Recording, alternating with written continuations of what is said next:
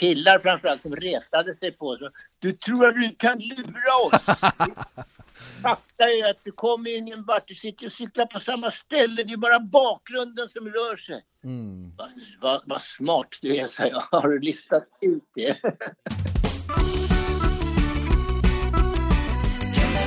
Podcast,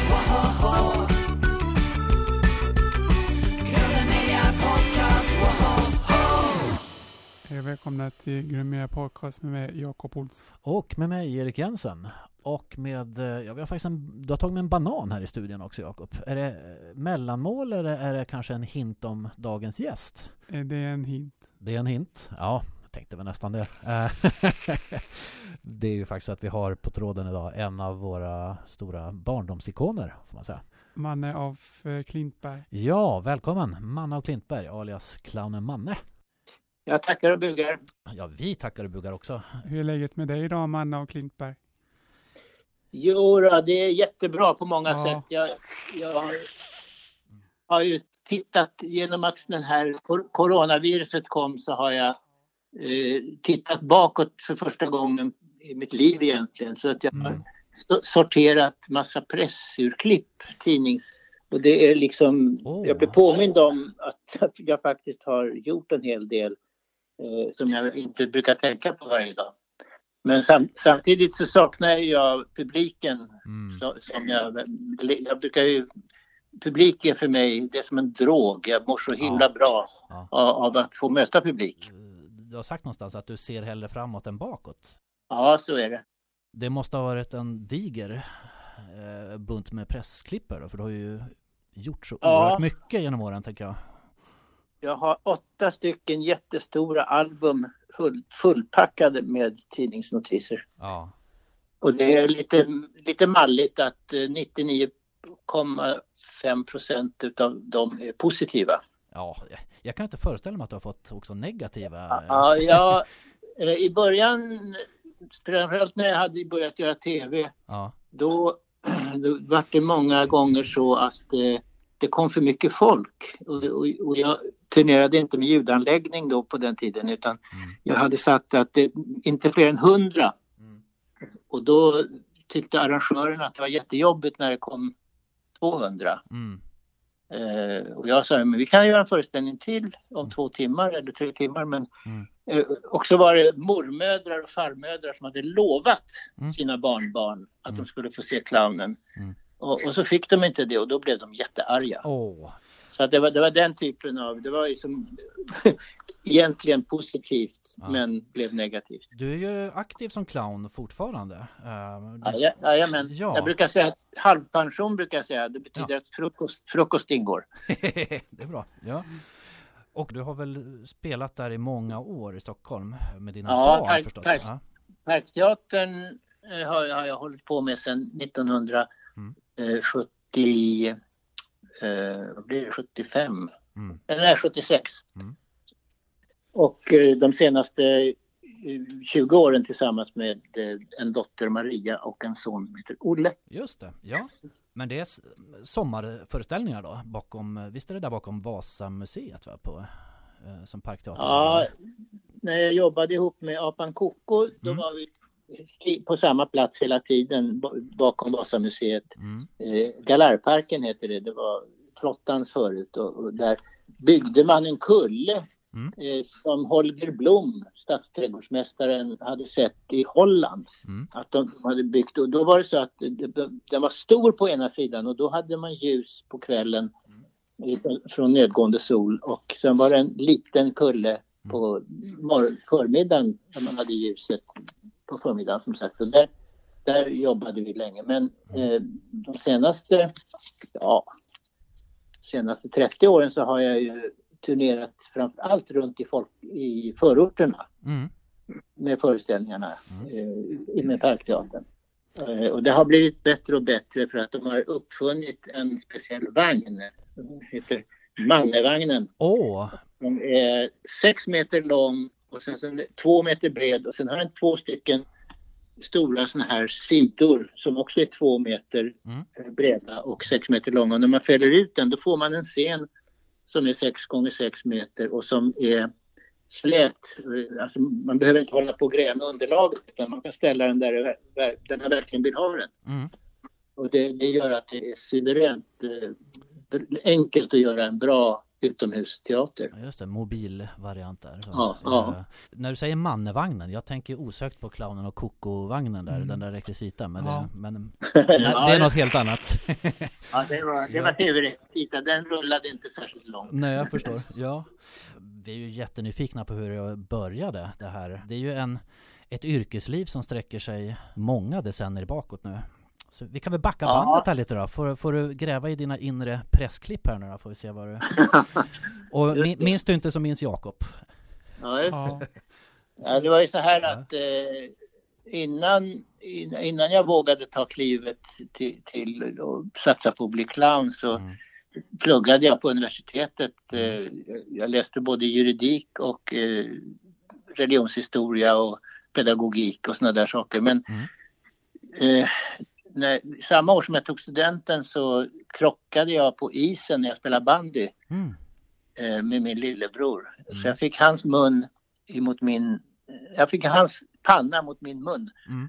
Och jag slog huvudet i isen och spräckte hjärnhinnorna.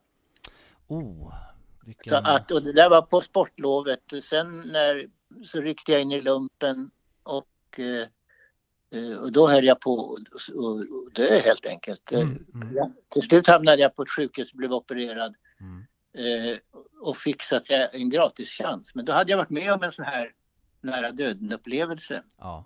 Eh, att jag, det kändes som att jag lämnade min kropp och såg mig själv utifrån. Oj, ja. Och och det var en väldigt märkvärdig upplevelse. Mm. Eh, och sen efteråt har jag förstått att det händer när man får syrebrist i hjärnan så, Mm. eh, så, kan, det, så kan man få sådana eh, hallucinationer. Ja. Eh, så det, det var steg ett så att säga att jag, jag kände att jag hade, jag hade fått ett frivarv, Mm. en gra, gratis chans. Mm. Och sen så småningom så fick jag en dotter som, som visade sig vara döv. Hon, Mm. hon heter Juli efter månaden. Ja. Och eh, eh, det visade sig att ju mer hon skrattade Mm. desto mer naturligt kom hennes röst. Ah. Och eh, ju mer jag tecknade teckenspråk desto lättare var det för oss att kommunicera. Mm. Och på, på den tiden, hon är född 1968, på den tiden så, så, så var inte teckenspråk erkänt utan man försökte hindra döva från att använda teckenspråk. Framförallt så ville man inte att, att döva barn skulle få se teckenspråk för då kunde de sluta att prata. Okej, mm, det var tabu eh, på något vis. Ja, ja. och för mig så, jag hade ju läst pedagogik och jag, jag hade läst eh, lite barnpsykologi och sånt där. Jag tyckte det där verkade konstigt så jag provade. Eh, och det visade sig det att ju mer jag tecknade desto bättre pratade Julie. Ah, mm, Jag kunde alltså rätta hennes tal med hjälp av tecken. mm, och hon, tal, hon talar fortfarande, folk frågar varifrån hon kommer därför att det låter som hon bryter på ett annat språk men hon talar alltså talar utmärkt eh, svenska. Då kom teckenspråket där då, eh, Ja, 68 ja. någonstans och innan dess så... Ja, inte direkt. Det tog ett år, Mm. säg 69. Mm. Men då ungefär samtidigt så, bilda, så började man med undervisning i mim, Ja, pedagogik vid Danshögskolan. Mm. Och då var det en reporter på Dagens Nyheter som, som heter eh, Rebecca Tarschis Mm. som är kompis med min syster och hon sa så här att du, du borde vara där och, och kolla för det är jättespännande och de har många döva Mm. som är elever där. Mm. Så att jag hörde av mig och frågade om jag fick göra ett besök och det fick jag och eh, när jag gick därifrån så frågade jag, jaha, hur gör man för att komma in på den här skolan? Och då sa de, nej, vi har bara problem. Vi har inga behöriga lärare och alla elever är ganska missnöjda och de som, de som vi har skickat till Paris eh, för att gå hos Marcel Marceau, de är missnöjda för att han aldrig är där. Och, aha, ja, det är bara problem, problem, problem. Ja. Jaha, vad synd då, sa jag. Ja. Och så gick jag hem och forts, fortsatte med det jag höll på med. Och så kom det ett brev två dagar senare där stod du är antagen som provelev. Oh, och du hade inte ens då, du hade bara varit där och frågat liksom? Jag hade bara varit där läget. Ja. och besökt dem. Och, och så, jag hade inte ens ansökt. Ja. Så att eh, från Lucia 1970 Eh, och tills terminen började 71 så hade jag prov period. Mm. Och sen var jag antag, antagen som elev och gick plötsligt i andra årskursen. Åh, oh, fantastiskt. Ja. De som hade jag, gått där i, i tre terminer. Ja. Eh, men det tog en vecka så var jag ikapp dem, Ja. Ja, om man De, säger så. det låter som de, så, de såg på dig att du var som handen i handsken. Eh, Ja, det måste, de måste ha gjort. Eh, var det barndomsdröm att bli clown, eh, man av Klintberg? Ja, jag älskade att gå på cirkus och min mamma tyckte mycket om att gå på Ja. cirkus. Vi, har, I Stockholm har vi en cirkusbyggnad och, och när jag var barn var det Mm. cirkus där. Varje år kom Cirkus Schumann Mm. eh, till den byggnaden och sen i stort tält någonstans i närheten så brukar det vara Cirkus Scott och, och sen så Zoo Cirkus med, med eh, som också och det, jag tyckte mycket om att- gå där men jag kunde ju inte tänka mig att jag själv skulle bli clown. Jag drömde nog om att bli bagare Ah, mm. eh, eller lokförare. Eller möjligtvis, möjligtvis indianhövding. ja, det har vi, den vägen har vi alla gått, tänker jag. Ja, jag menar det. Ja, ja. Men jag Nej, det var ja. inte, inte realistiskt. Min yrkesbana var sån att eh, när jag konfirmerades så blev jag kär i prästens dotter. Mm. Eh, och då tyckte jag att ja, men präst kanske man skulle bli. För då hade ju hon blivit nöjd i alla fall. Ja, just det. Är du, är du en andlig person? Jag tycker absolut att det Mm. gör, har and- andliga dimensioner. Men Mm. Mm. jag, jag räknar mig inte till de troende längre. Nej. Man får ju ändå känslan om man tittar på din, dina syskon också att eh, det känns som ett, en uppväxt där eh, det estetiska fick blomma. Ja, verkligen. Min bror Bengt, med, han med råttan i pizzan och med, Jajamän, han har ju ja. gjort massa saker och Gunilla Mm. är ju formgivare och Ja. gjorde både eh, barnkläder och vuxenkläder och eh, hon har ju också gjort en av mina affischer. Ja. Eh, och sen har jag en syster Kaj som, har lekt med barn hela sitt liv som förskollärare. Mm. Eh, och sen en lillebror Lasse som är hästtokig. Eh, han har islandshästar. Mm. Och, men vi, vi, vi lekte och lekte och lekte Mm. både när vi var i stan och sen hade vi en, en släktgård där vi lekte på landet med våra Mm. kusiner och sysslingar. Så att, leken är nog det som är väsentligast för mig. Ja. Eh, det, både det som är grunden till allt mitt arbete men också det som jag tror på eh, om vi ska prata om andlighet. Att, eh, det visar sig att bara den som har en utvecklad lekförmåga kan också utveckla eh, riktig empati, ja. det vill säga medkänsla med allt levande. Mm. Eh, och, och om vi ska ha en chans att överleva som, människ, som, som, som människor på jordklotet så måste vi se till att alla får leka. Mm. Då, kommer, då kommer allt annat av sig själv. Då, slip, då slipper vi kriminalitet och Mm. rasfördomar och eh, könsbråk. Så är det. Lek, lek, lek. ja. Leken är, leken är svaret. Jag håller helt med. George Bernard Shaw sa väl så här att vi slutar inte leka för att vi, gam- vi blir gamla. Vi blir gamla för att vi slutar leka också. Exakt så är det. Du var ordförande i Lekfrämjandet. Barns Ja. rätt till lek. Jajamän. De, de hade en, en lekgrej som hette Rulla in en boll, tror jag det hette. Mm. Som var mellan Sverige, Norge och Danmark. Mm. Eh, Ja, Finland också var med. Och då, då är jag inbjuden där som underhållare. Mm. Och eh, en av dem som hade bjudit in mig var en sån här som håller på med lekforskning och eh, lekpåverkan. Som heter Eva. Eva Norén Björn. Och hon, hon värvade mig till styrelsen Mm. några år senare. Eh, Och då frågade de, jaha, vad, vad, vad är du intresserad av? Och då sa jag att ja, det händer när jag är ute att barn inte accepterar leken. Mm. De, de, tyck, de säger att eh, om, om jag säger att jag ska prata med min mamma i en banan så, så säger de det, det går inte, det, du, du måste ha en telefon. Mm. Jag menar, då har de inte då har de inte hajat att det går att skoja om en sån sak. Mm. Mm. Och de, överhuvudtaget så tycker de inte att det är skoj. Mm. utan de tycker bara att det är skitjobbigt Mm. med den här gubben som har klätt ut sig och som eh, ljuger. Mm. Så att jag sa, jag är bara intresserad just nu utav varför vissa barn inte kommer igång med leken Ja. och vad vi kan göra åt det. Eh, och då så, så, så fick vi pengar från Arvsfonden så att vi gjorde ett projekt och, vi läste på. Mm. Vi var ett gäng, eh, fem damer och jag. Mm. Eh, vi läste på allt som handlade om barn som inte kommer igång och leka. Mm. Och eh, så småningom så redovisade vi det för Arvsfonden. Mm. Och det har liksom satt igång en del saker där. Men samtidigt att vara ordförande då i, i Lekfrämjandet. Mm. Eh, det betyder att man ska sitta på möten och egentligen höra samma sak Mm. om och om igen. Så att jag kände att jag överlåter gärna det där till någon annan. Det låter lite kontraproduktivt för leklusten kanske? Ja, till slut. just det. Ja. Just det. Jag leker hellre än pratar om lek. Ja, ja visst.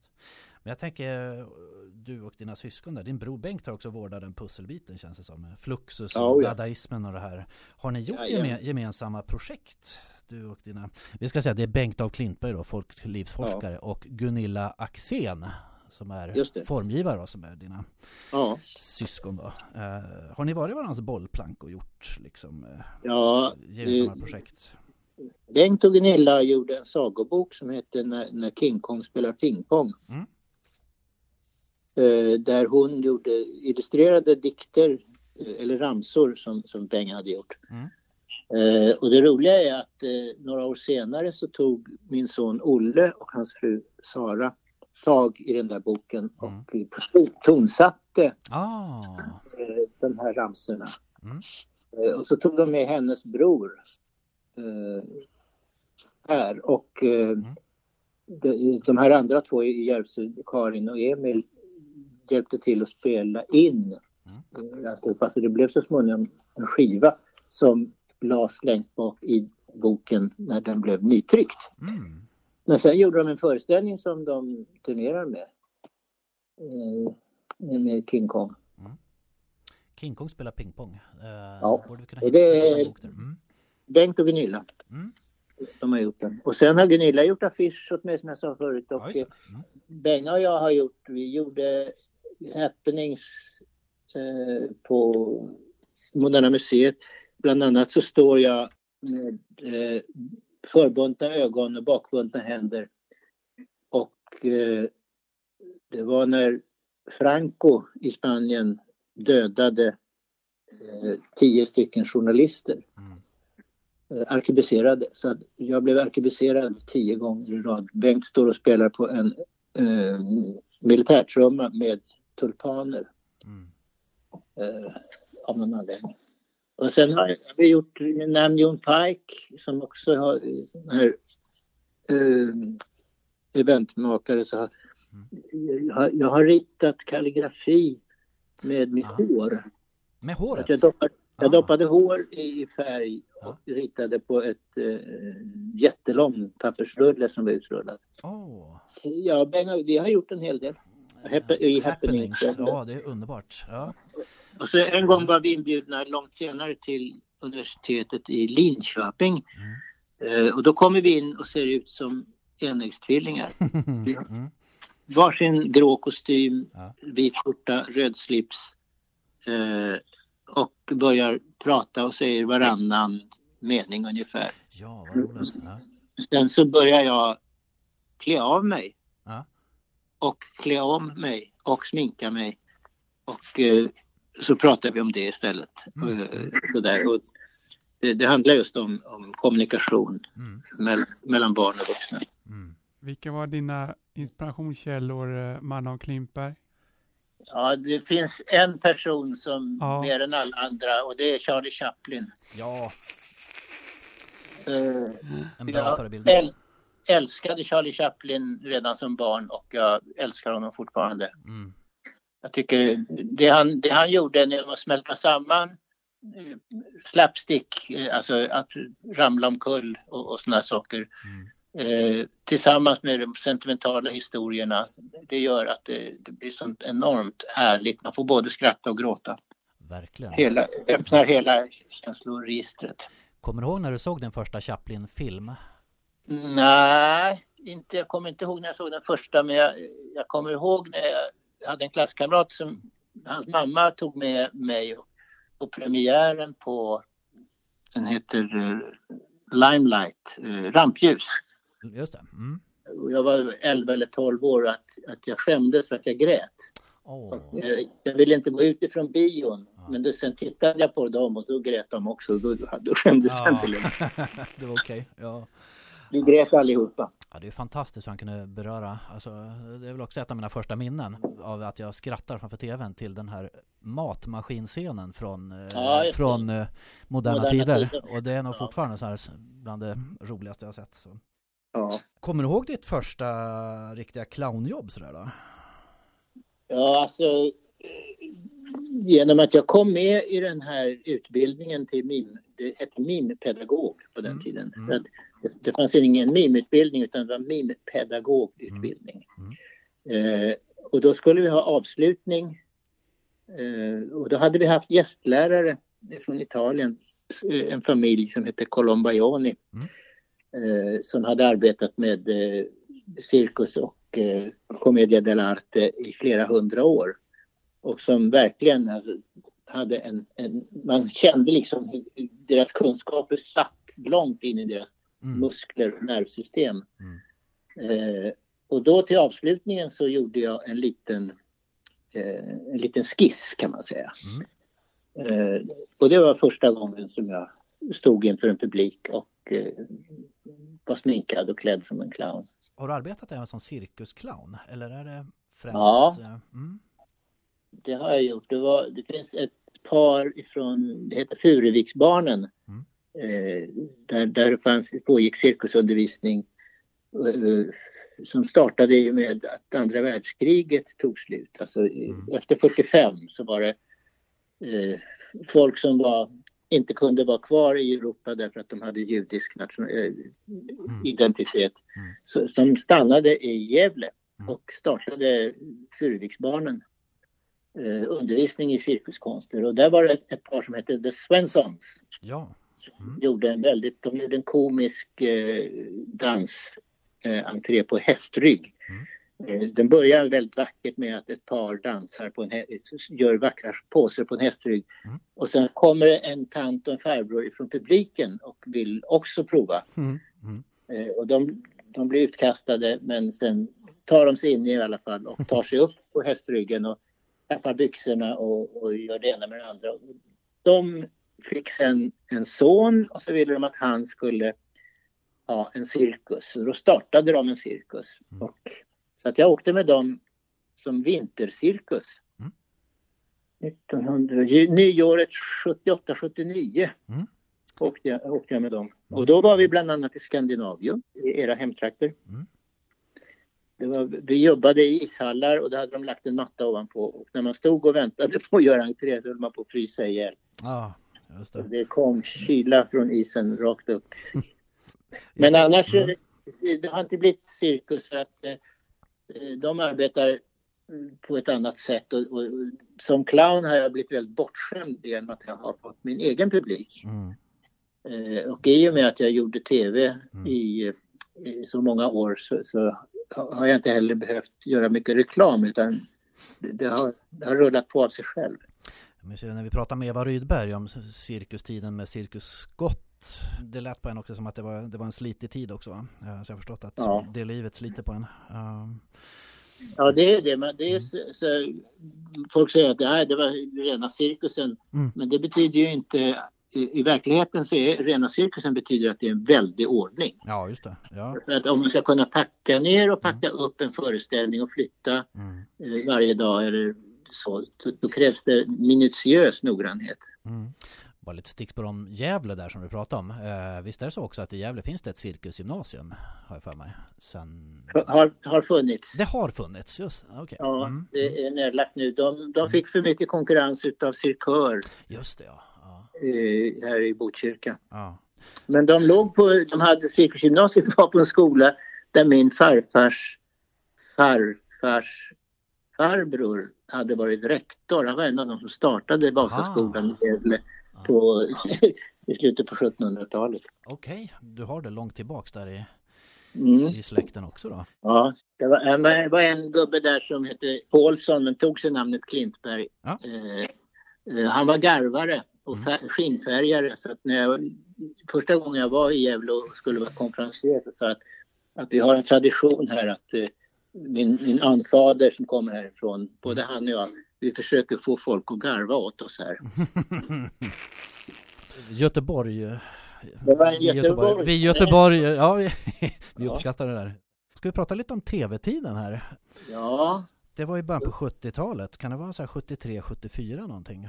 Har jag ett minne av. från januari 74 Ja, Och och det var så här att eh, eh, jag, jag gjorde en föreställning ihop med en kille. Så vi gick på skolan då eh, upp och hade flyttat till Jämtland. just det. Mm, Östersund hade- läste jag. Utanför Öster, ja, i Östersunds kommun, Mm. ut- ute i skogen. Så hade vi eh, gjort en föreställning som heter Skämtlänningarna. Mm. Eh, och eh, Mm. det var ungefär som ett examensarbete på den skolan då, MIM, MIM-utbildningen. Eh, och sen ringde de ifrån eh, Moderna Museet och hade hört talas om den här. Då ville de ha Mm. jullovsunderhållning. Eh, ja, 73 måste det ha varit. Mm. Eh, och då, då hade jag precis gjort min föreställning och det berodde på att Dövas förening Östersund ville ha underhållning till sin Lucia-grej. Mm. Och då hade jag sagt nej, men så hade jag ångrat mig och så hade jag, hade, hade jag drömt en föreställning. Jaha, okej. Och eh, så bad jag min hustru Karin att sy en kostym på ett speciellt sätt. Mm. Och eh, allting blev klart ungefär eh, en timme innan jag skulle ha föreställningen på, Oh. på biblioteket i Östersund. Mm. Och eh, den föreställningen gjorde jag sen på ett par gånger bara eh, i, i trakten av Östersund. Men sen ringde de från Moderna Museet och ville ha underhållning. Mm. Och då, då fanns inte det här som den här killen gör. Skämtlänningarna fanns inte längre för han hade stuckit till Paris. Men eh, jag sa ja, jag har den här nya som ni kan få om ni vill. Ja, ja, det går lika bra. Så att istället för att göra två föreställningar på Moderna Museet så blev det fyra för det kom så mycket folk. Mm.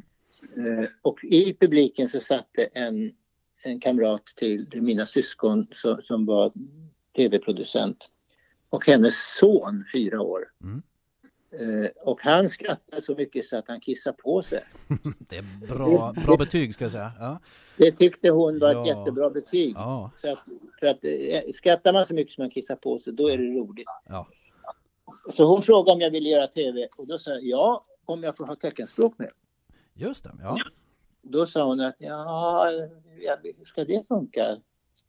Så att då bestämde de, då gick hon med det till sin redaktion och sen så bestämde de på redaktionen att vi gör en, en pilot. Mm. Det kallas det när man gör ett provprogram. Mm. Så de gjorde en kort grej med mig och eh, så tog de den och en, en tecknad film med, med några Kalle Anka på julafton. Mm. Och eh, en tant som berättade en saga på teckenspråk. Och så gick de runt till olika förskolor och visade upp de här tre sakerna. De var ungefär lika långa. Mm. Och sen fick ungarna leka en stund och fick eh, en frukt. Mm. Och sen fick de önska sig att se en av grejerna en gång till. Mm. Och då valde de eh, clownen. Glädjande. Framför, framför Kalanka. Det är ju ett Ja, väldigt gott precis. betyg där. Ja, Ja, det vad tycker jag fint. med. Ja. Så att då, då, bestäm, då sa de att det funkar ju tydligen för ungarna. Mm. Eh, Så att vi spelade, första serien började i januari 74. Eh, Och sen höll den på till och med 86. Mm. Så det blev 13 år, eh, halv fem på tisdagar. Podcast, woho! Media Podcast, woho! Tisdagskul, var det ditt eh, första tv-program? Vill du Ja. berätta om det- det, Manne? Det var produ- producenten eh, som bestämde att det skulle heta Tisdagskul med teckenspråk. Mm. Och eh, ja, så körde vi på. Så att den sista omgången vi gjorde, det var ju den med apan Koko. Ja, Ja. med, eh, kommer du ihåg vad den apan hette på riktigt Jakob? Eh, Seved Bårdhed. Jajamän. Ja. Jajamän. Men eh, alltså vi, vi måste beta av hela det här kronologiskt då tänker jag. Eh, den första serien där, jag, jag själv var ju enormt inspirerad av den där kojan du bodde i. Ja, du, du tänker på den där där, man, där jag cyklar och bakgrunden Oh, rör ja. sig. Rutschkanan. Ja, sagostolen. Ja, Alltså den scenografin har jag hittat på. det är ju så här när jag bygger kojor till min son så refererar jag på något sätt fortfarande till den som någon slags eh, facit liksom. För det var så, eh, jag minns själv hur jag byggde. Man ville Ja. bygga det där själv för det, det var, De, de hörde av sig för några år sedan Ja. från teknis, Tekniska högskolan. Då skulle de ha nollning och en av grejerna var att de skulle bygga en, en eh, cykel som gjorde att bakgrunden rörde sig. Ja. Precis som, som jag hade gjort. just det. Eh, så att jag kunde tipsa dem lite Mm. grann. Har du cykeln kvar, man av Klintberg? Jajamensan. Finns den Ja. kvar? Ja. Eh, Själva cykeln är kvar och den, den är Ja. omgjord så att eh, jag kan ställa mitt positiv. Jag har alltså ett vevpositiv Ja. eh, som jag var tvungen att skaffa en gång när jag var i Danmark och regisserade en föreställning. Mm. Eh, och när jag fick med mig positivet hem så var jag tvungen att skaffa en apa och det var så apan Koko kom in i Mm. bilden. Ja. Eh, och eh, eh, den där cykeln kan spela positiv. Aha, så, du när jag trampar ställer- alltså? Ja. Då, då har jag en utväxling ifrån... Eh, det var den utväxlingen var gjord för att kunna driva bakgrunden Mm. eh, runt eh, i, i, i, tv-programmet. Men den går också att koppla om då så att eh, den spelar positiv. Okej. Spelar Ja. positiv. Man får inte glömma att låsa upp den bara. Tänker jag. Nej, det är jätteviktigt. Det är ja. Man, kom, man kommer inte långt med en låst cykel, så är det. Nej men precis. Ja, vad roligt. Det var som en stor high-tech upplevelse att få se, se den. Det, det var killar framförallt som retade sig på så, Du tror att du kan lura oss? Fakta är att du kommer ingen vart, du sitter och cyklar på samma ställe, det är bara bakgrunden som rör sig. Mm. Vad, vad, vad smart du är, sa jag. Har Ja. du listat ut det? Det, är väl, det är väl förutsättningen för just clownskapet, att publiken ska veta lite mer än eh, clownen. Absolut, Så att de har ju, de har ju hajat grejerna på något vis. Ja. Så är det. Ja. Men din, din svarta kostym där med basken, skapades den för tv-figuren man eller fanns den innan? Ja, I och med att jag skulle klä ut mig till någonting eh, i varje program, just när det gäller då den där rutschkanan då, eh, då gjorde jag, hittade jag själv på en nollkostym. Alltså en kostym som inte föreställer någonting. Mm. Och då, då blev det den här eh, svart overall med svart basker. Mm. Jag tycker du var fenomenal på att nå genom tv-rutan. Eh, jag vill påstå att varenda barn som tittar kände sig sedda på något vis. Ja, det var ju det att jag tittade ju inte, jag hade ingen publik i studion. Jag hade ju sett, eh, jag hade en kompis som hette Finn Zetterholm Ja, och han, han Mm. Ha, ja, han gjorde program och då hade han barn i, i publiken som han sjöng för och då, då menade jag, då kände jag att nej, men nu blir jag utanför. Mm. Eh, och sen så om jag tittar in i kameran istället då får man ju upplevelsen av att vara sedd. Mm. Eh, även om man vet att det är en teknik emellan. Men, Ja. och, jag har ju aldrig påstått att jag ser de barnen. Jag, jag vet ju att de ibland luras och säger det. Ja, välkomna nu, sätt er ner nu. Ja, du ska också sätta dig ner. Så pekar de.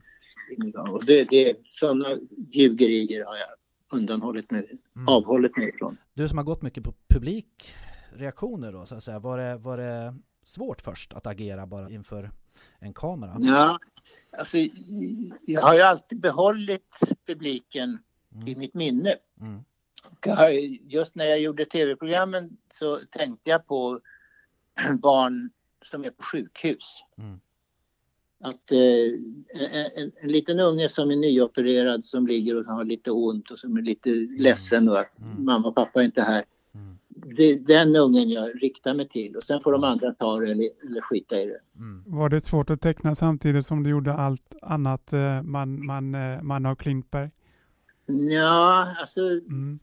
det här med teckenspråk Ja. det är en käns känslig fråga för att eh, eh, när jag kom till, till Danshögskolan då och skulle, så hade de en lärare i teckenspråk och då, då sa de att vi skulle, de skulle lära ut det nya teckenspråket. Aha, okej. De, de hade kommit på i USA att om man tecknade och talade samtidigt Mm. då kallar man för total communication, alltså totalkommunikationsmetoden. eh, och det, det var bara det att vad de inte tänkte på det är att teckenspråket är ett språk och Mm. att om man anpassar ett, ett språk till ett annat språks grammatik Mm. så kan det bli en halvmesyr. Ja, just det. Ja, Och det var precis vad det blev. ja. Men jag visste inget mer så att jag lärde mig det där. Jag blev, jag blev jätteduktig. Jag blev bäst i klassen på det nya teckenspråket. Så jag kunde, jag kunde göra konstiga änd- ändelser och, Mm. och sånt där med, med handviftningar. Eh, och eh, ja, det är klart att det krävdes en viss koncentration men samtidigt så var det det att när jag använde teckenspråk i mina föreställningar och i tv-programmen så då höll jag nere tempot. ja Och det var bra för att eh, de som skulle ta emot hade mycket större chans att hin- hinna med. Mm. För att eh, hemma i vår familj där vi var fem syskon och mamma och pappa, där gick allting väldigt fort. Mm. Eh, hade, vi, hade jag pratat i den takten som jag gjorde hemma vid matbordet, Mm. då hade ingen hunnit med. Nej. Men teckenspråket bromsade mig eh, till... Och sen efteråt jag snackade med en kille från Guatemala som heter Mario Gonzales. Mm. Och eh, när han blev tvungen att arbeta på franska, ett språk som han inte behärskar, Mm. då fick han reaktionen att han var den enda som de förstod för att han var Aha. tillräckligt långsam. Ja. Eh, det ligger mycket i det där att är man för snabb eh, då hinner inte folk med. Men är man lite långsam eh, så har ju folk mer en chans att häng- hänga med.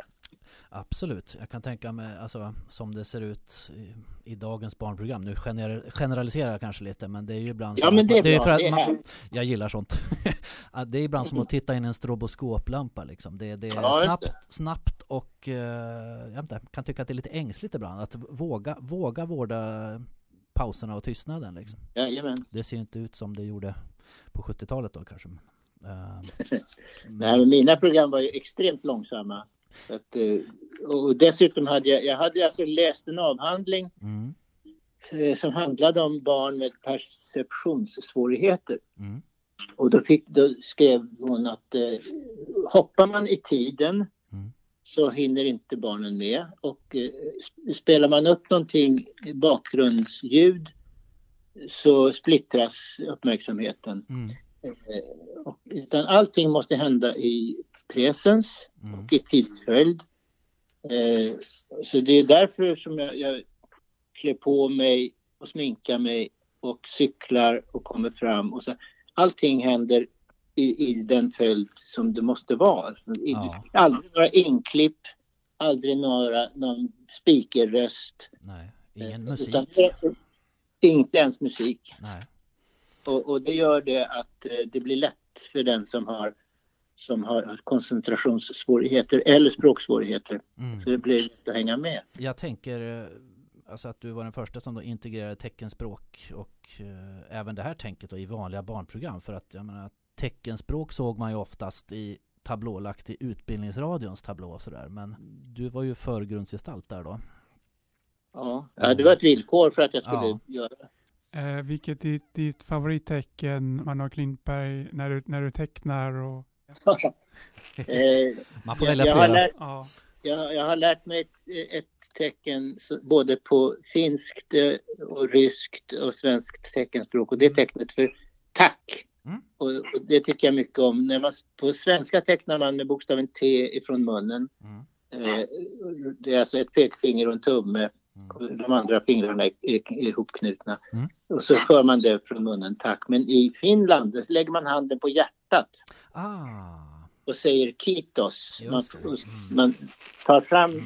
handen från hjärtat och ger, ger det till den man, man Mm. pratar med. mm. Och i, i Ryssland där eh, knackar man med knuten näve i pannan och på hakan och sen fram till den och det betyder det betyder spasiba. Mm. Eh, och eh, om man gör det till en som står högre upp, alltså till den första Mm. eller en kung, Mm. då börjar man med hakan och sen blir det pann.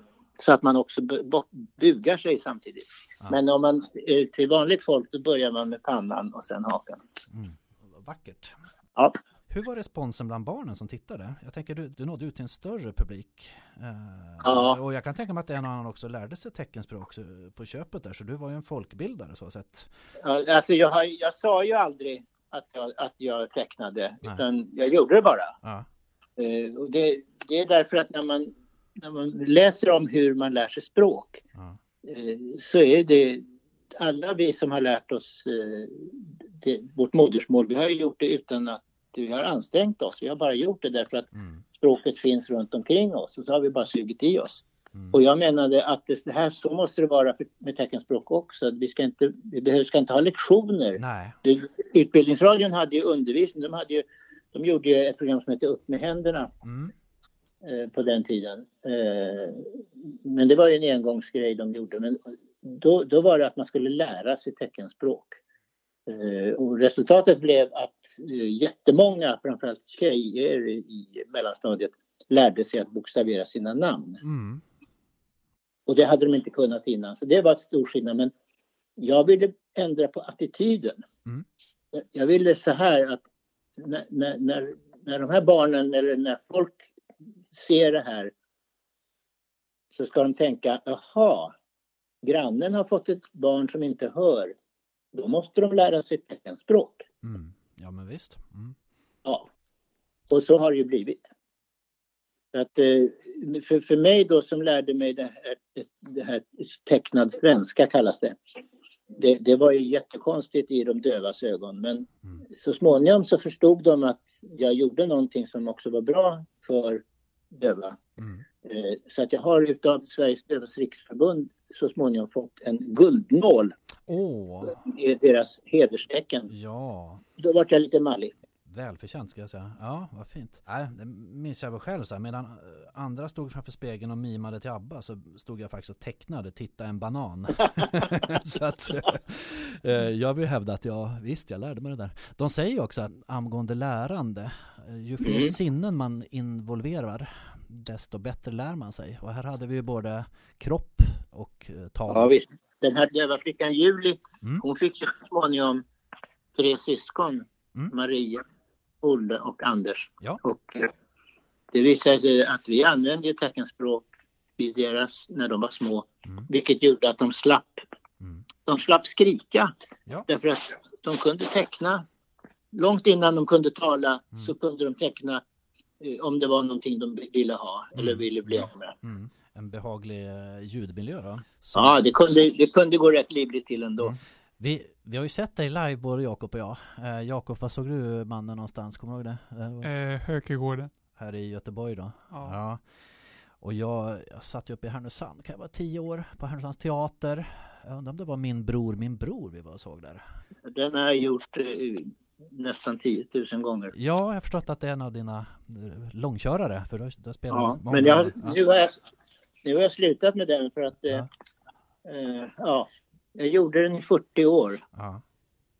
och eh, mm, efter, två år efter, och det var då 2012, Mm. så hade jag gjort den i 40 år. Och eh, ett par år senare så sa sonen Olle Mm. att han gärna ville överta den, så han gör den. Jaha, vad roligt. Ja, så den går vidare i, i, Ja. eh, i Men eh, den, sen, Ja. sen kom coronan Mm. och, och gjorde att han att det inte varit så många jobb. Men han har gjort den några gånger och eh, Mm. den har så att säga blivit traderad. Mm, ja, vad fint. Ja. Måste säga, bara att se dig live, för mig som hörande, det var ju lite omvälvande ändå, för det var nog första gången jag varit på teater med en döv publik också. Så jag, jag var inte riktigt Ja. beredd på att det var de här händerna i luften och sådär. Eh, och eh, att det var mycket ljud i publiken. Så det, det, det Ja. var ju för mig en eh, omvälvande upplevelse efter, då, efter tystnaden i ditt tisdagskulprogram där då. Men, eh, men det var nyttigt, tycker jag. Ja, men Härnösand är ju en plats där, där, där det finns en döv, dövskola. Kristinaskolan. Eh, Jajamän. Ja. kom elever från, från olika delar av landet faktiskt och gick där. Va? Ja, he, framförallt he, hela norra Sverige. Ja, just det. Mm. Sen är det Örebro Mm. som tar stora delar av Mellansverige och sen är det Lund. Mm. Och sen så småningom kom det också en, eller det finns en i Göteborg. Ja, jag gick i folkhögskola i Örebro sen och jag minns när det var jul så där så eh, fick, Ja. hörde man ju effekterna på centralen så där, man skulle åka tåg hem så Just det. det var någon vän som kallade det för kräftljud, det där ljudet av folk som tecknar på centralstationen som skulle åka med tåget. Ja, står och, just det, bu- bubblar som en kräfthink. Ja. Plötsligt så brister de ut i skratt. ja visst, ja. Då låter det precis som, som vanligt skratt. Ja, Är bananen din favoritfrukt eh, på riktigt, Manne om Klintberg? Ja, jag, jag tycker mycket om bananer men Ja. jag har blivit Ja, väldigt nogräknad så jag äter bara eh, ekologiska bananer och jag äter bara fair trade helt bananer. rätt. Ja, För mig är det svårt att tänka mig en godare symbol Mm. för manligheten. För att jag tycker att eh, bananen, ordet banan är ju ett arabiskt ord som betyder finger. Mhm. Men det finns ju en annan kroppsdel eh, på, på män som har ja, påminner lite grann om en banan. ja just det. Mm. Och sen när man håller en banan i handen kan man rikta den och då kan det se ut som en pistol. Mm. Eh, Men det, är- det är den absolut eh, mest ofarliga pistol man kan tänka sig. Ja, det är väl, Och sen- väldigt eh, användbar rekvisita tänker jag. Ja, och som jag brukar ha, använda den som telefon Ja. också. Ja, det är en fråga jag hade där. Varför det just blev banan och inte till exempel apelsin eller något annat då? Men, Ja, men du sa ju det att det är publiken som ska vara klyftig. mm, just det. Och så får man komma innanför skalet på skådespelaren. Ja, ja, ja, Ja. så är det. Mm. Vad tycker du annars är receptet på ett bra barnprogram då? Eh, Jag, jag, jag, menar att så länge man är lekfull och, och leker och, och så, så kan man vara- det går liksom inte att säga ett recept utan Nej. det har väldigt mycket att göra med hur, hur man ser på sin publik. Mm. Eh, Om man fattar att publiken är mycket smartare Mm. än vad folk tror överhuvudtaget. Och framförallt att den är smartare än vad du själv är. Mm. Så jag brukar prata om att man ska undersälja. Mm. Alltså man- ska inte, man ska inte skrika och skryta och säga att nu mina damer och herrar kommer världens bästa. Mm. Utan snarare så ja, ska se här om jag kanske kan försöka göra Mm. så här eller, eller så här. Mm. Då, då känner man sig mer inkluderad. Ja, just det. Ja. Och, och jag tror att, att, att få känna sig inkluderad är viktigare än att få bli imponerad. Mm. eh, sen Ja. gjorde du en uppföljare, Manne och, och Janne, Manne och Klintberg. Vill du berätta om det? Manne och Janne ja. Ja. Ja, det var ju så här att eh, Sveriges Dövas Riksförbund eh, sa att det, det är väl okej att du gör barnprogram och att du tecknar Mm. teck, alltså teckenspråk men eh, vi vill gärna se en döv i Mm. bild. Mm. Och Janne, Janne var ju döv på riktigt då. Eh, Han är stendöv. Mm. Ja. Eh, Och eh, han är lärare tror jag på en folkhögskola norr om Göteborg. Vad kan det vara? Aha, okej. Ligger en, i Kung, ligger en folkhögskola i Kungsbacka? Eh, Kungsbacka, Kungälv har vi ju folkhögskola.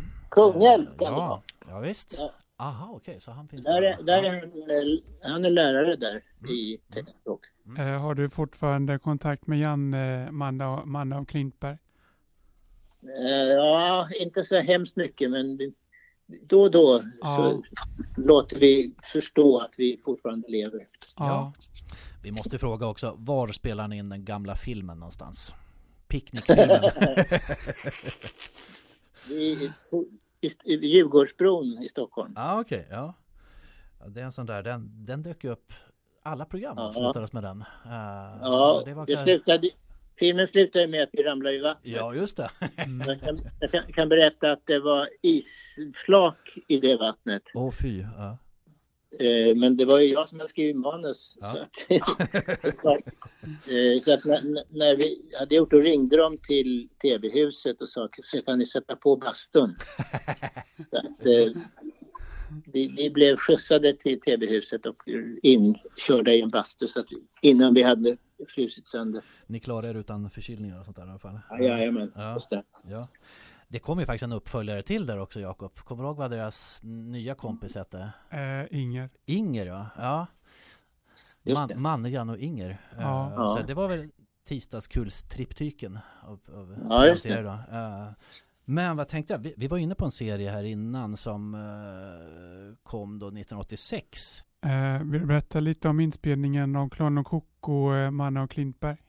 Ja, Mm. den kom till, det var så här att eh, jag hade skrivit eh, en skiss till ett manus. Mm. Eh, och det hade, hette Clownen och häxan. Mm. Ja. Eh, och det är därför att eh, clownen är för mig motsatsen till en hjälte. Mm.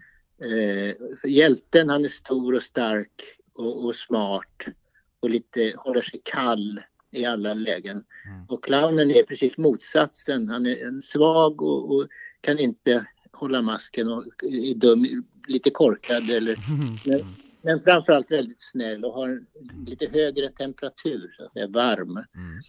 Eh, och om man slår ihop en clown och en hjälte, Mm. då, då får man en, en, en man. Mm. Alltså, i, I mansrollen så finns det drag av både en hjälte och en clown. Just det. Ja. Eh, men om man tittar, om man analyserar då hur kvinnorollen ser ut Mm. så är ju inte motsatsen till en kvinna-kvinna, det är ju inte en clown utan Mm. det, eh, kvinnan är ju, det är ju en prinsessa som är den rollen som, som kvinnor har fått historiskt sett och också. Just det. På film. Stereotypen. Ja. Mm. Stereotypen, ja, Mm. hon är ung och vacker och, och sexig men inte särskilt smart kanske. Eh, och motsatsen till henne, det är en, en ful gammal kärring som är, är smart Mm. och det blir en häxa. Mm. Och eh, då fanns det en kvinna på Tyst teater, alltså Riksteaterns eh, teckenspråkspråksteater eh, som heter Gunilla Westin Wallin och som hon och jag började prata om att göra en serie. Mm. Eh, men där hon skulle vara häxa och jag skulle vara clown. Mm. Eh, men då råkade jag springa på eh, jag jobbade i, i Paris och gjorde Mon frère, min bror, min bror på franska. Ah, Eh, där också. Mm. och då sp- sprang jag på en kille, eller han kom och hälsade på och vi gick ut och, och tog en öl så småningom. Han, han berättade att han gick på cirkusskola i Paris. Jag tror Jakob kan gissa vem det här är. Eh, Seved Bårdehed. Jajamän, Seved var det. Ja. Eh, och då så frågade jag, då hade jag varit i Danmark och fått det här positivet till mig. Eh, eller fått och fått, jag hade köpt det. Mm. Och eh, så frågade jag om han kunde tänka sig att vara cirkusapa Mm. till min positivspelande clown. Mm. Och då sa han ja. Och då eh, frågade jag på tv min producent, är det okej om vi byter ut häxan mot en apa? Mm. Ja, ja visst, sa hon. Det är inga problem. Mm. Eh, så att då, då skrev jag ihop det. Och eh, ja, the rest is history. Ja, jag måste säga att ni hade en enormt fin kemi. Ja, Och, det eh, visade sig att vi, när vi var ute och jobbade, vi gjorde 2000 föreställningar Mm. inom ramen för ett par år där. Mm. Innan han eh, hoppade av och startade Cirkusgymnasiet i Gävle. Ja, han var delaktig i det då? Mm. Ja, ja, det var han som startade det. Ja, ja, ja, okej. Ja. Och eh, i vilket fall, det hände då och då, vid något tillfälle som jag speciellt minns så, så gick strömmen Mm. eh, så att det blev kolmörkt där vi var. Mm. Och eh, det tog en stund, det tog ganska lång stund innan ljuset kom tillbaka. Och då, då fortsatte vi på millisekunden när, där vi hade varit Mm. utan att vi hade sagt något. Det, vi hade alltså ett så bra samarbete Ja, så vi, vi, läste, vi kunde läsa varandra. ja. Jag behövde inte se vad han var utan jag visste vad han var och jag visste vad han gjorde Wow. Ja. även när jag inte såg honom. Det, det, var, det var häftigt. ja, verkligen. Ja, där snackar vi samspel, uh, närvaro. Ja. Sen, jag måste säga, jag gillar både sceneri och så den här eh, inramningen med positivmusiken. Det gav en, eh, så här, lite melankolikänsla Ja. också. Det är Eh, en gull, som gullig melodi. Ja, Eh, vad är det bästa med Sveved Bådehed-man eh, av, av Klintberg? Ja, det, det har jag redan sagt faktiskt. Ja, att det, ja. Han och jag, vi har en kommunikationsförmåga mellan oss Ja. som, som är obeskrivlig. Alltså det, jag tror aldrig att jag har varit med om någon på scenen. Ja, det skulle vara mina barn då, Maria och Fulle, när vi Ja. jobbar med. Ja. Men eh, Seved och jag hade ett sätt att kommunicera som ligger utan, står utanför det mesta. mm. Men det här var då det sista som du gjorde i tv då? Jo, det var, ju- det var sista av de här halv fem-programmen. Mm.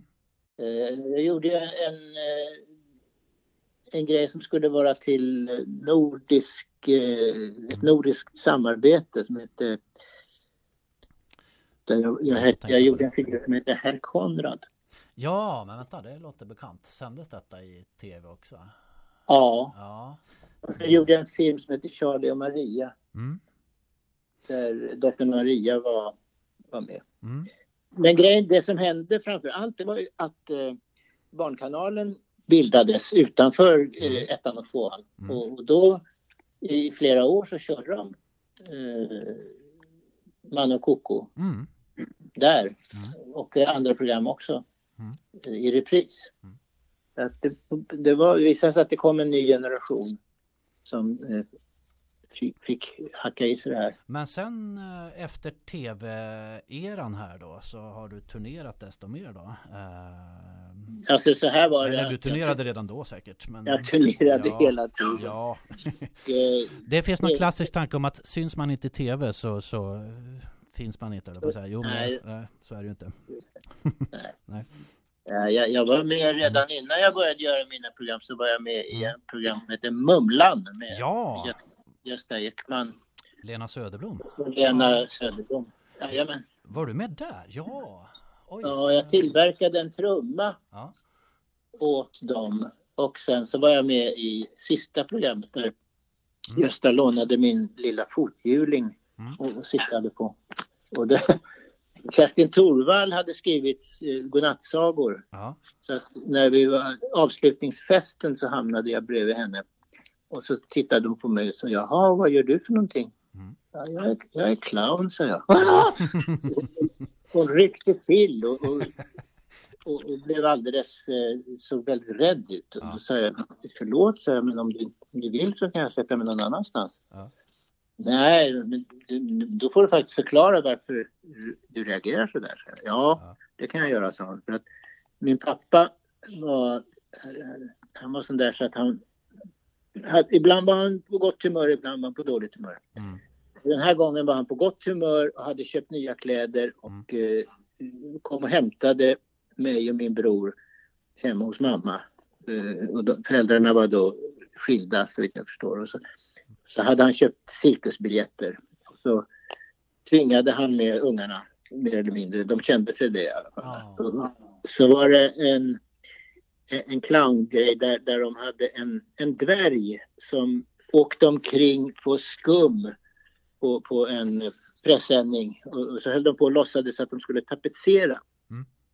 Och så använde de dvärgen som kälke, så ställde en hink med skum på hans rygg och så körde de iväg honom och alla skrattade men lilla Kerstin hon tyckte det var förskräckligt att de var elaka mot den där lille. Mm. Mm. Så att hon gömde sig och försökte krypa in i pappans kavaj. Mm. Och då tog han tag i hennes huvud tvingade med sina fingrar upp hennes ögonlock och tvingade henne att se Men oj. Det här Ja. Ja. som hon tyckte så illa om. Ja. Och efter det så blev hon rädd för allt som liknade clowner. Så jag frågade, men du, du tycker inte ens att Charlie Chaplin är rolig? Nej, usch. Oj, ja, det satte sin prägel där då. Alltså, Så att hon hade verkligen få, fått en implanterad clownskräck eh, där, då som treåring eller vad hon var.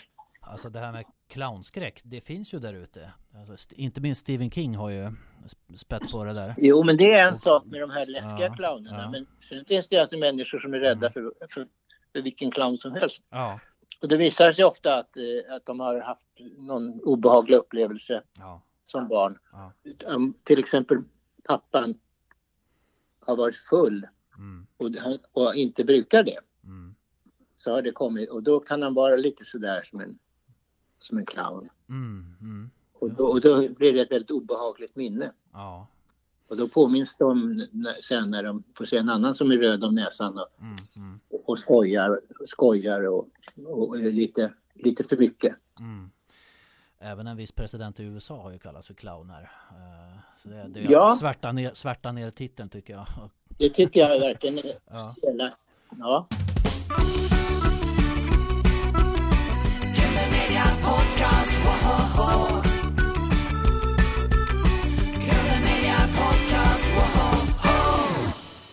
Hur är det att jobba med, med eh, dina barn, Manne och Klintberg? Det är en dröm. Ja. Det är helt underbart. Det är så roligt för att eh, man har ju en, en relation redan Mm. som far, far och barn. och då att få vara, eh, ha en yrkesrelation Mm. också. Det, det är framförallt som de är så himla bra. Både Mm. Maria och Olle är underbara att, att jobba med. De är väldigt proffsiga. Är det som med Seved där att ni har förmågan att läsa av varandra och sådär? Ja, det kan man säga. Men Ja. Seved och jag, eh, man kan nog inte komma närmare jämlikhet Nej. än det som är mellan Seved och mig. Mm. Men i förhållande med Olle och Maria så är det, det är lite mer att det finns också en, en, en, en vertikal rörelse. Att jag är pappa Mm. eh, och jag är också mycket mer erfaren. Mm.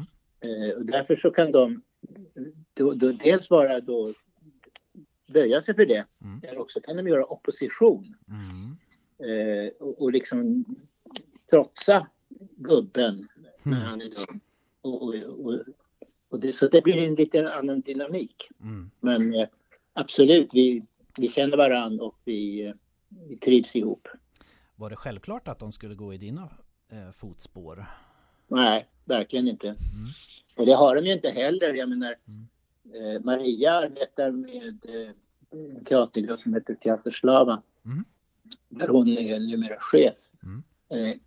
Och som har en fri grupp i Huddinge kommun.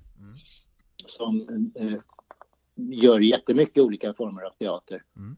Och eh, eh, Olle är skolpsykolog i Ljusdals kommun. Aha, okej.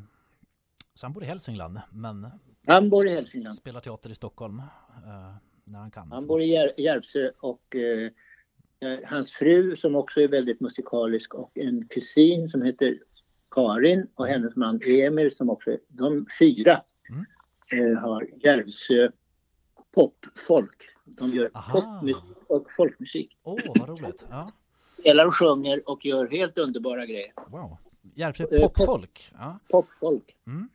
Finns på Youtube. det ska vi kolla in, absolut. Vad har du gjort bort dig på, på scen, eh, och Klintberg?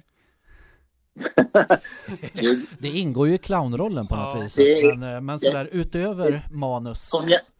Om jag inte gör bort mig så kommer folk bli väldigt besvikna. Ja.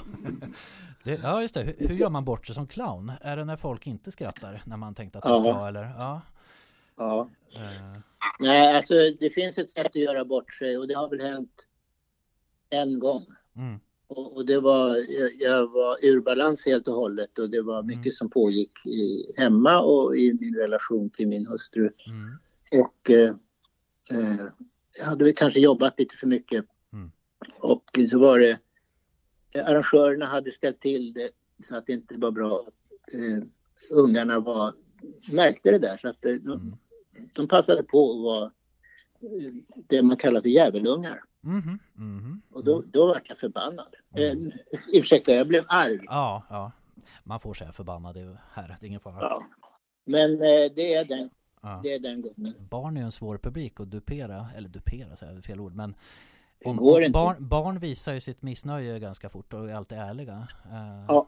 Så är det. Så det är kan jag säga, svårare än att spela för en vuxen, eller vuxen publik kan jag tänka mig. Ja, Eller? det beror på vem man är för att jag, jag kan inte ha en, bara en vuxenpublik. Det, Nej. det fun- funkar inte alls. Nej.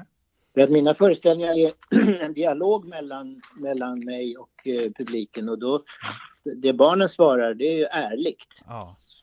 Och eh, när de vuxna tror att, att de ska ha mig, då, tro, då tror de att de måste vara roliga. Ja, just det.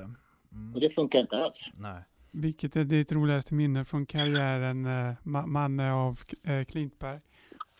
Ja, jo, jag har ju roligt hela tiden. Ja. Ja, Det, den roligaste föreställningen, det är nog nästa föreställning. Ja. Eh, Men samtidigt så är det ju glassigt och, och har ju fått, jag har ju blivit prisad så att säga. Jag har fått Mm. Sankt Eriksmedaljen som är det finaste man kan få som stockholmare. Var det där Stockholms stads eh, 2019? Såg jag någonting av där. Eh, det kanske var något annat. Kulturpristagare. Eh, Ja, det var något annat. Ja. Det var pengar. ja okej. Mm. Det var också trevligt. Ja. Eh, Sankt Eriksmedaljen är en grej man får hänga på sig Mm. och eh, så blir man hy- hyllad. Mm. Men sen så har jag fått eh, Pro Patria, en guldmedalj också hänga på mig. Mm. Och eh, jag har fått tidningen Dagens Nyheters eh, Kasperpris. Mm. Och jag har fått eh, Cirkusakademins Årets Charlie. Det är en samling grejer där som gör att man kanske för ett ögonblick stanna upp och titta lite bakåt Ja. i, som omväxling. Vilken kärlek. Ja.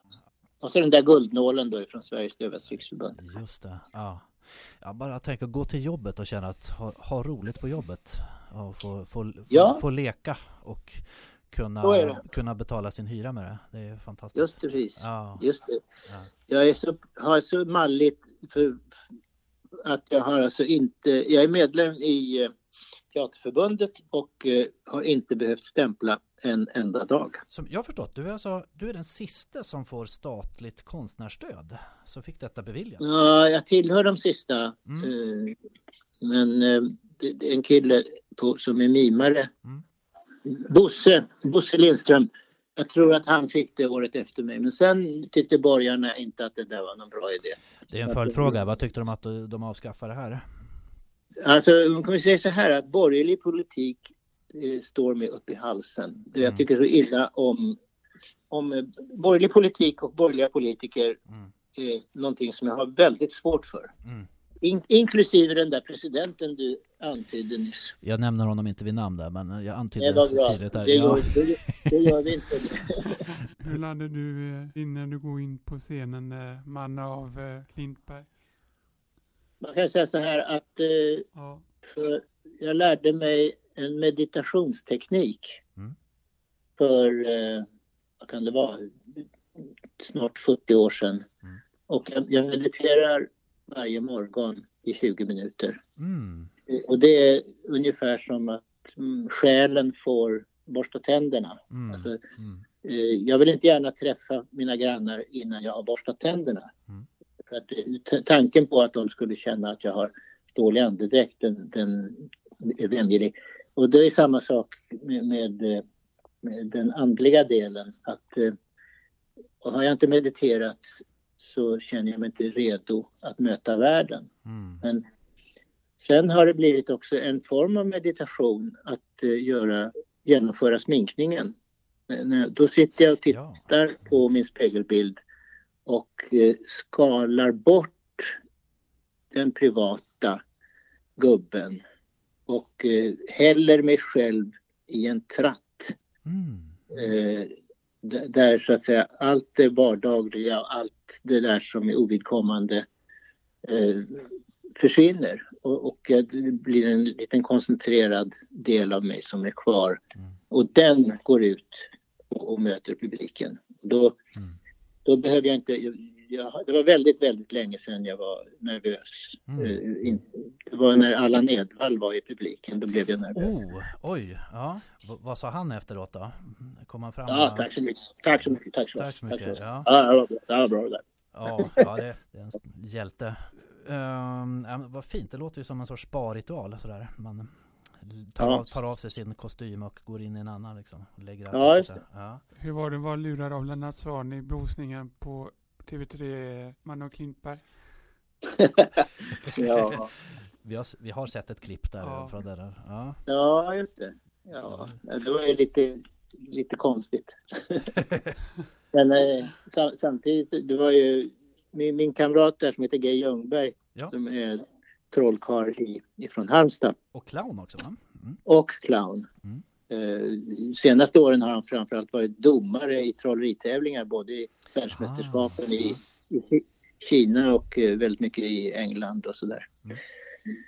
Han blev kontaktad för att vara den som skulle lura mig Mm. till det här tillfället. Och Det första upplägget så hade de eh, lagt in någonting om att jag måste göra något för att jag skulle få en massa pengar. Mm. Och då hade han, Ljungberg, sagt att nej, det där går inte Manne på. Han gör ingenting. Han gör ingenting för, för, för egen räkning. Mm. Utan de måste lägga in det att han gör det för någon annan. Då, då kan det funka. Mm. Så då ändrade de på själva upplägget. Mm. Och, eh, nej, det som var mest slående då, det var att det, det här skulle spelas in ett par dagar före julafton. Mm. Och eh, om ni, någon av er känner min hustru så vet ni att vad man gör några dagar före julafton det är inte att åka hemifrån. Mm. Mm. Då är det tusen saker som ska göras. Ja, just det. Eh, och då är jag en, en av dem som ska göra det. Mm. Mm. Men eftersom G. Ljungberg hade pratat med henne Mm. eh, så när jag sa så här att ja, jag vet inte hur jag ska lägga fram det här men vi kan ju skita i det också men de, de vill att jag ska åka till Göteborg Ja. eh, på, på en grej. Men det är ju bara det är fram och tillbaka. Så. Ja. Ja, visst sa hon. Gör det. Du anade lite oro där då Ja, kanske? lite konstigt var det.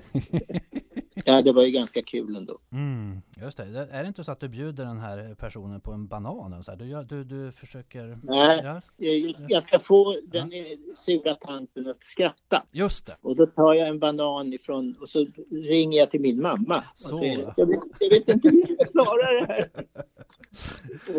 Och då satt tanten, hon hade en, en hörsnäcka. Mm. Och de sa, men skratta nu då, skratta nu. Men hon var nästan, hon var väldigt lomhörd. Ja. Så, och jag tror att hon var lite borta. I, i, så att, och då plötsligt så hör hon vad de säger. lite, lite underligt var det. ja, just det. Är aktiv i Clown utan gränser, man, Manne och Klintberg. Eh, ja, delvis. När jag jobbade i Paris så kom det en, Mm. en kille där som heter Nalle Lannela Mm. och eh, frågade mig om, om jag visste var eh, Clown utan gränser i Paris hade sitt kontor. Mm. Och eh, då hjälpte jag honom att hitta dit. Eh, och sen när vi var hemma i Sverige igen så ville han starta Clown utan gränser. Mm.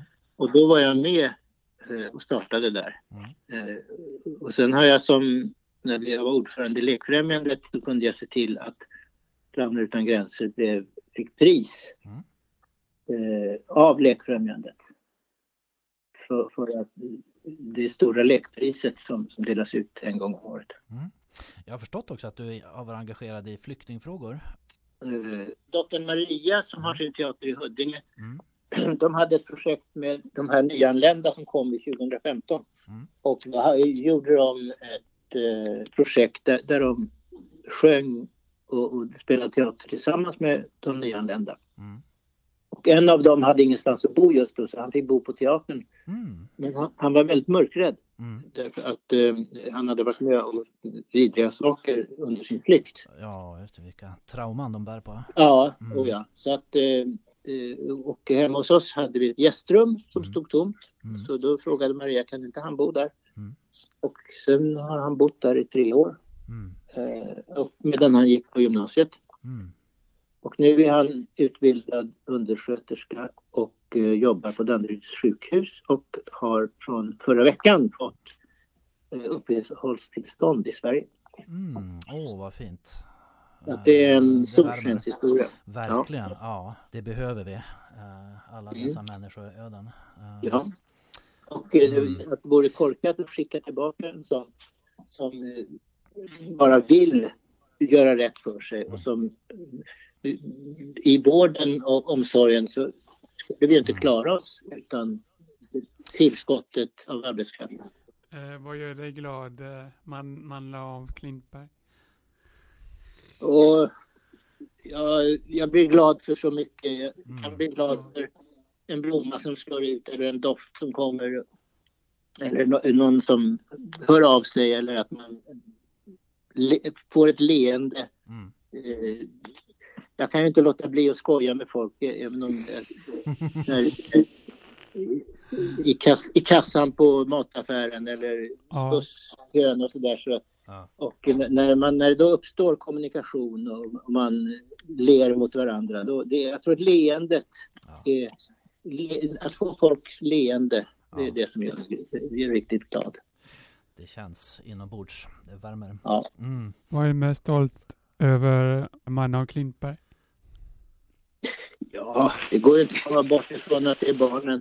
Ja. Ja, Det, men det, är- det ligger ju så att säga i våra däggdjurs Mm. eh, DNA det här att, att kunna att få fortplanta sig eh, och att se resultatet. Det, det blir man väldigt manlig av. Vad vill du säga till barn som vill bli clown då? Ja. Det finns inga barn så, som... De vill, ju, de vill ju leka Ja. och då säger jag fortsätt med det. Ja, då kommer, alltså, då kommer folk veta Men, sig eh, själv kom- som Astrid Lindgren sa. Ja. Om det kommer någon som eh, så, så, så, en ung människa som säger att jag har funderat lite grann och då säger jag Mm. för föreställ dig att du är en blomkruka Mm. med jord Mm. och att den där jord, att det är viktigt att den där jorden är väl förberedd. Och Mm. sen tar du ett frö ifrån clowntraditionen och stoppar ner i en din blomkruka som är du. Och så låter du publiken både vara sol och vatten. Och då ska du se till att första gången då ska du ha en väldigt liten och gärna en kärleksfull publik. Mm. Några som du känner och som du litar på och, och som kan få, få, få vara, och det räcker kanske att du gör fem minuter med någonting eller tio minuter. Och eh, är det så att det funkar, då kommer det här fröet att skicka ut en rottråd och börja suga näring ur dig.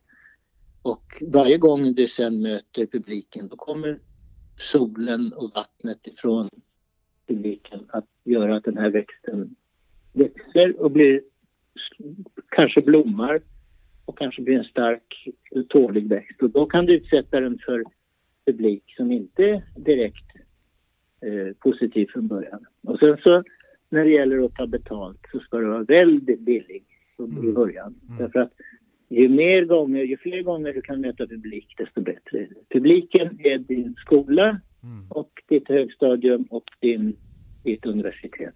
Och det är bara genom att möta publiken många gånger eh, som, du kan bli bättre. Mm. Det kommer jag säga. Vilka vackra ord och vilka fina metaforer. Mm. Alltså, metafor tycker jag är en underbar bild. De går där på ängen och är jättetjocka. Ja just det, de- metafor. Ja, alltså, metafor är en, en omskrivning för de åren. Ja, väldigt fint. Sen kan jag inte komma ifrån att jag ser hur det växer upp en banan ur den där blomkrukan. Eh, Det gör ju Ja. kanske det. Ja. ja. får vi se Clowneman eh, med det här projekt framöver, man, Manna och Klintberg. Alltså jag gör helst gamla saker. Ja. Men eh, det finns en, det är en kille som heter Crazy Thorax, ja, just det. Mm. trollkarl. Vet jag vem det är? Ja. Han har hört av sig. Han brukar göra en stads... Han brukar göra gatuteater. Mm.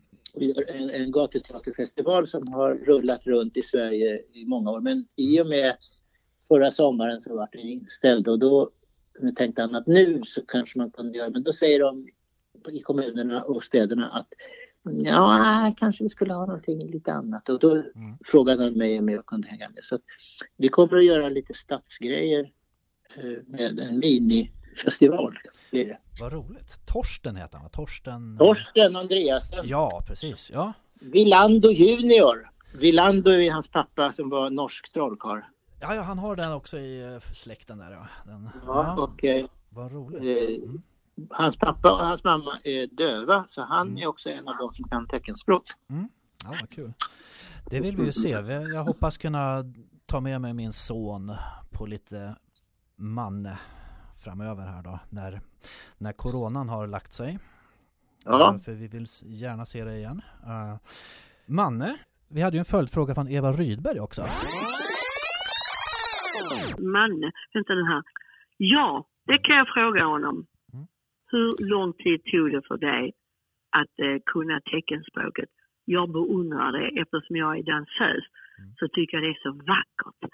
Och jag har faktiskt kunnat det väldigt, väldigt mycket. Va? Men när jag kom till Amerika eh, så var det en som också kunde teckenspråk.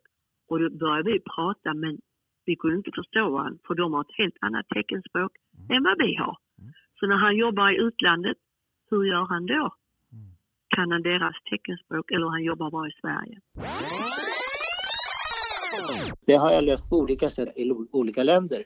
Jag jobbade rätt mycket i Danmark och då var jag tvungen att lära mig danska tecken. Och eh, det, det var rätt jobbigt först men sen så, så blev det integrerat. I, jag jobbade i Ryssland och då hade jag med mig en döv kille från Rumänien.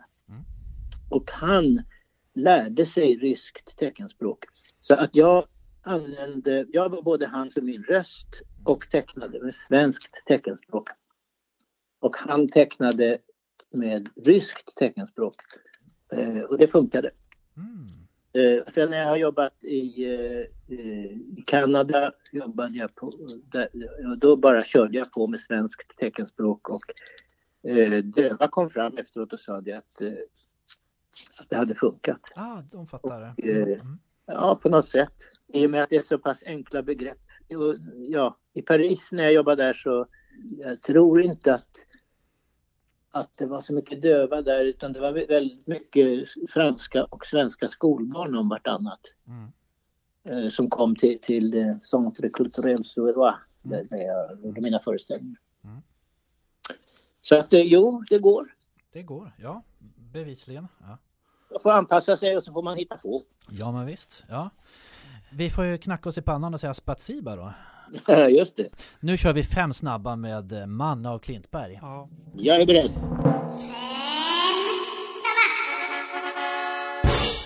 Eh, cykel eller bil, man om Klintberg?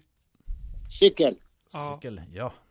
Charlie Rivel eller Marcel Marcieu? Eh, Båda. Helt rätt. Eh, teckenspråk eller tal? Båda. Ja. Perfektion eller slump? Lump. Skumbanan eller riktig, riktig banan, man om Klintberg?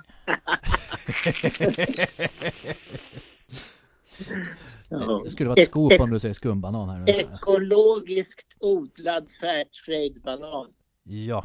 Utan, utan skum. Inga plastprodukter från Dole heller. Nej. Helt rätt. Pierrot eller Pennywise? Jo. Ja. Eh, lek eller allvar? Lek är allvar. Ja. Ja. Du svarade rätt på alla, skulle jag säga. Vi är jätteglada och nöjda. Manne, om du skulle få ställa en följdfråga till den fantastiska ICA Nord som vi ska intervjua senare i vår. Vad skulle du vilja fråga då? Det, alltså, att hamna mellan Eva Rydberg och Ica Nord. Mm? Det är ju verkligen svårt att ta sig ur den situationen. För man vet inte vem man ska dansa med först. Mm. Eh, Vi tyckte det kändes faktiskt- fullständigt naturligt. jag har ju dansat med båda faktiskt. Ja. Mm. Eh, Eva Rydberg var med i en program som heter Baxna. Mm. Där jag var med. Mm. Och eh, Ica Nord. Vi har varit programledare för eh, Folkparksforum tillsammans. Aha, Eller, okej. Mm. eller inte, kanske inte samtidigt men Mm. ja. Vi har varit på Ex- Expressens kulturfest också. Så där. Där, Oh, ja. ja, det var roligt.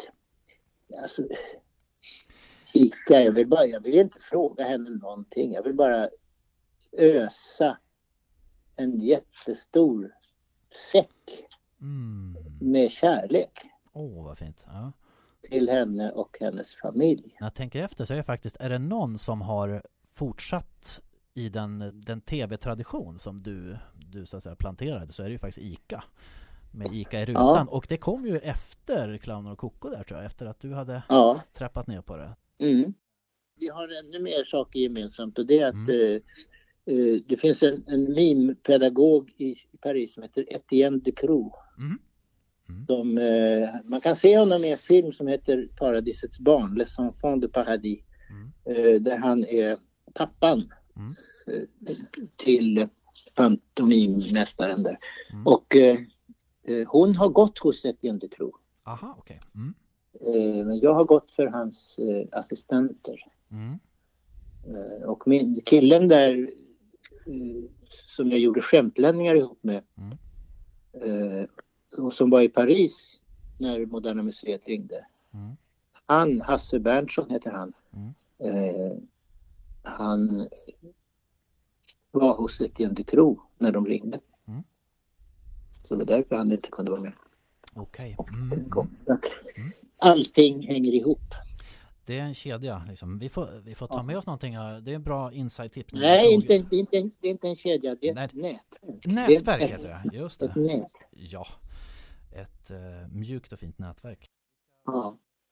Manne, ja, vi är så glada att få prata med dig. ja, jag Så- tackar och bugar. Vi tackar och bugar vi också och klappar Ja. oss på bröstet och säger kitos på teckenspråk då. Eh, Ja, vad fint. Och så är det bra att, att Jakob heter Jakob för att det Aha. är jättejobbigt att heta Nejkopp. ja, så sant. Okej, Tusen tack. Sköt om dig. ja tack detsamma. Ha det gott. Hej då. Hej då. Hej hej!